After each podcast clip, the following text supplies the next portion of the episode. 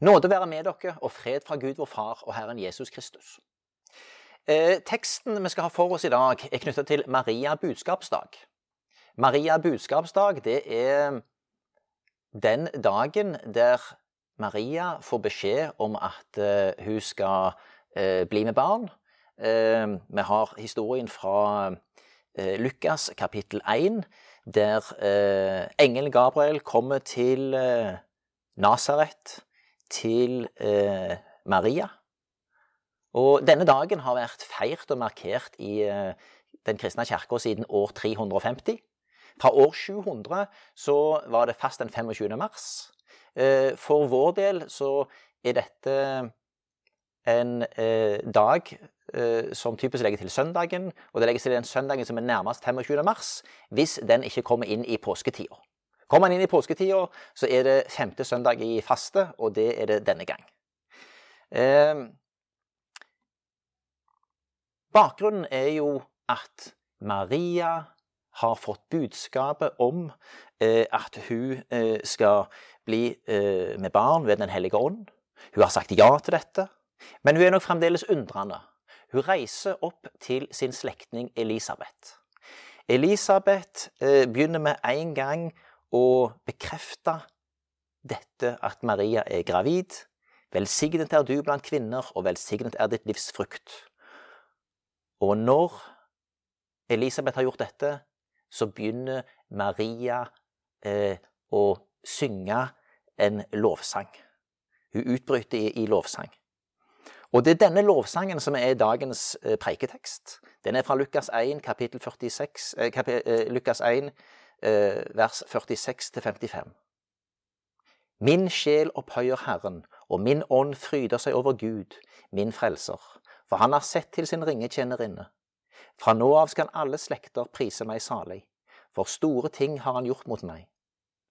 Han den mektige, hellig er hans navn. Hans miskunn varer fra slekt til slekt for dem som frykter ham. Han gjorde storverk med sin sterke arm. Han spredte dem som gikk med hovmodstanker og støtte herskere ned fra tronen. Men de små opphøyet han. Han mettet de sultne med gode gaver, men sendte de rike tomhendt fra seg. Han tok seg av sin tjener Israel så han kom i hu, sitt løfte til våre fedre, og viste miskunn mot Abraham og hans ett til evig tid. Maria har nok i etterkant av engelens besøk lurt veldig på dette som har skjedd. Hun har kanskje ikke helt fått avklart ennå hvordan Josef, Josef vil ta dette. Det oppleves kanskje kaotisk. Hun lurer veldig. Hun pendler mellom å være engstelig for framtida og fremdeles være undrende til hvordan Gud har grepet inn i livet hennes. Engelen sa òg at uh, hennes eldre slektning Elisabeth var med barn. Det virker òg veldig spesielt, for Elisabeth og Zakaria var godt voksne mennesker over den alderen der en tror at noen kan få barn. Hun reiser opp til sin slektning, Elisabeth forstår umiddelbart at Maria er gravid, selv om hun bare er noen få dager på vei, og sier 'Velsignet er du blant kvinner, og velsignet er ditt livs frukt'. Den hellige ånd har vist Elisabeth at Maria er gravid, og Elisabeth bekrefter og anerkjenner det store oppdraget Maria har sagt ja til.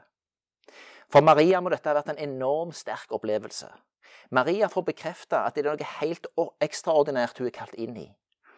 Den usikkerhet og ambivalens som fremdeles kunne ha vært der, blir nå bytta ut med stor grad av visshet. Dette er virkelig. Gud bekrefter gjennom Elisabeth det store oppdraget som Maria har fått.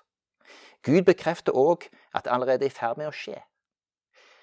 Jeg tviler på at Maria visste og kjente at hun var gravid da hun reiste opp til Elisabeth. Med en gang Elisabeth sier du er gra eh, eh, gravid. Det er det første Elisabeth sier når, når, hun ser Maria. For Maria tror jeg dette er en bekreftelse. Dette er virkelig. Uh, dette er en realitet. Det skjer. Det er ikke bare en drøm eller bare en, eh, en, en opplevelse, det som jeg uh, møtte der med engelen. Det er en realitet. Jeg tror Gud ofte jobber på denne måten. Noen opplever noe paradoksalt og spesielt. Andre bekrefter og viser at dette paradoksale og spesielle er etter Guds vilje. En begynner å forstå at Gud står bak. Maria har nå fått en veldig sterk bekreftelse på storheten i det hun skal få være med på. Og lovsangen stiger opp i Maria. Hun greier ikke å holde det tilbake. Hun ber og synger en sang basert på tekster hun antagelig kjenner fra Skriftene. Den hellige ånd gir hun en sterk erfaring av å være med på noe stort. Maria begynner å ane at det er svære greier Gud har kalt henne til, midt i det som fram til nå har sett litt merkelig ut. Min sjel opphøyer Herren, min ånd fryder seg over Gud, sier hun. Og Maria har erfart Guds storhet. Hun vet nå for sikkert at dette er av Gud. Elisabeths respons blir en sterk bekreftelse som frigjør glede, frimodighet, takk og tilbedelse i Marias sjel og sinn.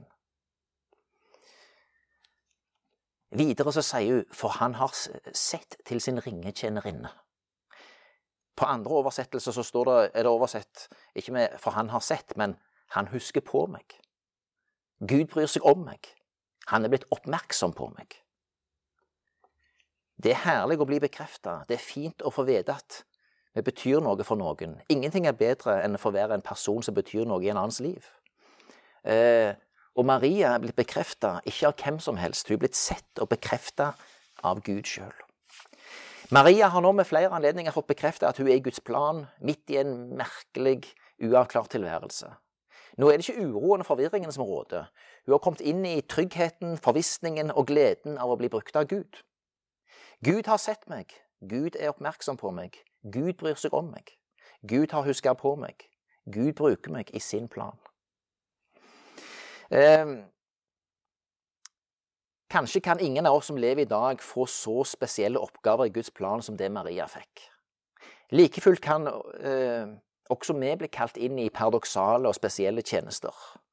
Noe som andre vil undre seg over. Den originale tidsbruken og spesielle prioriteringen som du nå har. Men det er bedre å være i Guds originale og paradoksale plan enn i sin egen selvvalgte, men kanskje lett forutsigbare tilværelse. Gud vil oss vel. Det er bedre for den enkelte å gå der Gud vil, enn å få sin egen vilje og gå sin egen vei. Maria viser oss hvor mye og forventningsfull tro som kan komme ut av det å lytte til Gud og tørre å gå de skritt som Han kaller oss til. Livet med Gud er ikke kjedelig, hans veier er alltid de beste. Han kaller oss inn i noe som er mer spennende og fargerikt enn det vi kommer på sjøl. Gjennom å gå på Herrens veier så kan vi òg erfare at det er spennende å være sammen med en personlig Gud og Herre, som ved sin ånd inviterer oss inn i en samtale, en vandring, et liv. Et liv der du òg kan erfare at du er sett av Gud, at Gud er oppmerksom på at du er der, at han husker på deg, at han kaller deg inn i sin plan, og ser verdi i at du blir med på laget. Det kan komme mye bra lovsang ut av det. Maria har et fint perspektiv her. Hun anser det som en stor ære å få lov til å tjene Gud på denne måten. Store ting har han gjort mot meg. Hun er takknemlig midt i det som ennå kanskje virker veldig rart. Hun ser storheten allerede i det hun får være med på. Igjen, det er ingen som blir kalt til en så spesiell tjeneste som den Marie fikk. Men òg vi kan dvele litt ved denne setningen. Store ting har han gjort mot meg? Har Gud gjort noe stort i livet ditt? Jeg tror mange av oss kan si, om å få tenkt oss litt om, at store ting har han gjort mot meg. Vi er på vei mot påske, hvor vi skal dvele ved at Guds sønn blir forlatt av alle mennesker og sine nærmeste venner. Han blir plaga og slått. Han får en smertefull vei mot døden. Store ting har han gjort for meg. Han har dødd for meg. Han har tatt på seg ansvaret for all verdens synd. Han har mer enn det. Han har overvunnet dødens krefter og gitt deg et nytt liv. Dersom du er døypt, er du i dåpen invitert inn i denne oppstandelsen. Jesus' sin oppstandelseskraft, Jesus' sin livgivende kraft ved Den hellige ånd bor nå i deg. Ikke bare har han gjort store ting for deg, han vil fortsette å gjøre store ting i ditt liv og gjennom ditt liv. Du skal få vandre i dette oppstandelseslivet, vandre i noe som Gud legger til rette, noe som du passer til. For Gud er oppmerksom på deg, på dine gaver, på dine relasjoner i familie og ellers. Han kaller deg inn i fellesskap med seg, i bønn, i sitt ord og i fellesskap. Maria kjente nok godt både bønnen, skriftene og fellesskapet som vendte seg til Gud. Maria hadde derfor beredskap til å forstå og kjenne igjen Guds stemme i det som engelen talte. Hun kjente helt sikkert til profetene og andre som Gud kalte, og som mer eller mot, mindre motvillig sa ja til Guds innbydelse til å bli med i Guds plan. Jeg er Herrens kjennerinne, la det skje med meg som du har sagt. Skal vi også si dette til oss sjøl, eller sammen med andre? Jeg er Herrens tjener. La det skje med meg som du vil. Vi sier det tre ganger. Jeg er Herrens tjener. la det skje med meg som du vil. Jeg er Herrens tjener, la det skje med meg som du vil. Jeg er Herrens tjener, la det skje med meg som du vil. Det er dette det begynner med for Maria. Og når hun har sagt ja til dette, erfarer hun at store ting skjer. Skal noe stort skje i livene våre, er det som regel fordi Gud gjør noe. Skal Gud få gjøre noe, må vi være åpne for det. For Gud inviterer oss inn i fellesskap, samtale og samarbeid. Han vil ha deg på laget. Store ting kan skje når du er på laget til den ene sanne Gud. I Johannes 3, eh, 8 så sier Jesus til Nikodemus.: Vinden blåser dit den vil. Du hører den suse, men du vet ikke hvor den kommer fra og hvor den farer hen. Slik er det med den som er født av Ånden. Den som eh, bekjenner at Jesus er Herre, som tror at Gud reiste han opp fra de døde, den som er døypt og får leve i dette, den eh, har fått Den hellige ånd. Og Den hellige ånd vil lede hver den som sier det som Maria sa. 'Jeg er Herrens tjener, la det skje med meg som du vil'. Vi må ha tillit til dette. Eh, og det å gå på Herrens veier, eh, det er alltid det beste. Og den som eh, tør å gjøre det, vil erfare sannheten i eh, disse ordene. Det er herlig å slippe å være herre i eget liv, men la Herren få lede. Videre så sier Maria han gjorde storverk med sin sterke arm. Han spredte dem som gikk med hovmodstanker, og støtte herskere ned fra tronen, men de små opphøyet han. Maria kjente seg nok ikke spesielt mektig. Hun var ikke fra en spesielt fornem familie, ikke rik, kanskje heller det motsatte. Helt alminnelige unge jenter, uten makt, uten spesielle fordeler her i livet. Men Gud ser til hjertet. Gud ser det som bor inni oss. Han hadde sett ei ydmyk ung kvinne som var villig til å gå på Herrens veier. Derfor kunne han bruke henne. Vår storhet ligger ikke i det vi sjøl strever og oppnår. Vår storhet ligger i la oss bruke av Gud, slik at våre fem brød og to fisker kan bli noe mer, slik at våre talenter kan bli mangfoldiggjort, fordi vi tør å la Gud bruke oss. Ikke la deg begrense. Ha tillit til at Gud vil løfte opp både deg og det du har fått, enten du synes du har fått mye eller lite. Gud ser ikke etter de største talentene. Han ser etter en ydmyk vilje til å gå på hans veier og bruke det du har fått. Um, før engelen kommer, til Maria, så er det nokså åpenbart at Maria var ei gudfryktig og rettskaffen ung dame som hadde tillit til at Gud var der. Hun var nok ikke hun var nok etter den jødiske tradisjonen og kulturen vant med å høre Guds ord, være i bønn, være en del av et fellesskap som regna med Gud. Da engelen kom, så sier han, Vær hilset, du som har fått nåde, Herren er med deg. Maria har et begrepsapparat og en beredskap for å forstå dette, sjøl om hun blir forskrekka og undrer seg. Noe av det viktigste vi kan gjøre, er å legge til rette for at unge mennesker får et begrepsapparat, kunnskap, kjennskap og erfaring med den ene sanne Gud, som har åpenbart seg for oss som Fader, Sønn og Hellig Ånd. Gjennom å legge til rette for at barn og unge kan kjenne Gud, kan våre barn og unge oppleve at når Gud taler til dem, så er de i stand til å lytte, forstå og respondere. Maria kjente Gud, antagelig fordi hun gjennom ulike påvirkningskanaler hadde fått anledning til det familie, samfunn, undervisning, åndelig fellesskap. Dermed ser vi alt arbeid blant barn og unge som kan gi kunnskap om og kjennskap til Gud, har stor verdi. Ikke se smått på den tjeneste det er å være en forelder eh, og lære eh, sine barn eh, om den ene sanne Gud. Ikke se smått på det å være med i søndagsskole, ulike former for barnearbeid, leirarbeid. Ikke se smått på det å være eh, i arbeid eller støtte kristne skoler, enten det er grunnskoler, folkehøyskoler, videregående skoler, bibelskoler eller ulike former for eh, høyskoleutdannelse. Vi har å gjøre med en barmhjertig og nådig Gud som vil oss vel, som vil ha i tale, som vil ha en relasjon. Men da er det en veldig fordel som Maria at vi som er de voksne, legger til rette på ulike måter at de unge kan få et begrepsapparat som gjør at når de møter Gud, eller møter noe vanskelig i livet, så har de mulighet til å respondere, til å søke Gud, til å svare ja til hans veier. Videre vil jeg si litt om den ene leseteksten, om begrepet spire, som vi finner i Jeremia-teksten. Jeremia 33, 15a. I de dager, når den tid kommer, lar jeg en rettferdig spire vokse fram. Spire er et interessant begrep. Både Jesaja, Jesaja og profeten Zakaria og profeten Jeremia har med seg noe om en spire. Og dette er et navn på Jesus. At et navn på Jesus er spire, er fantastisk.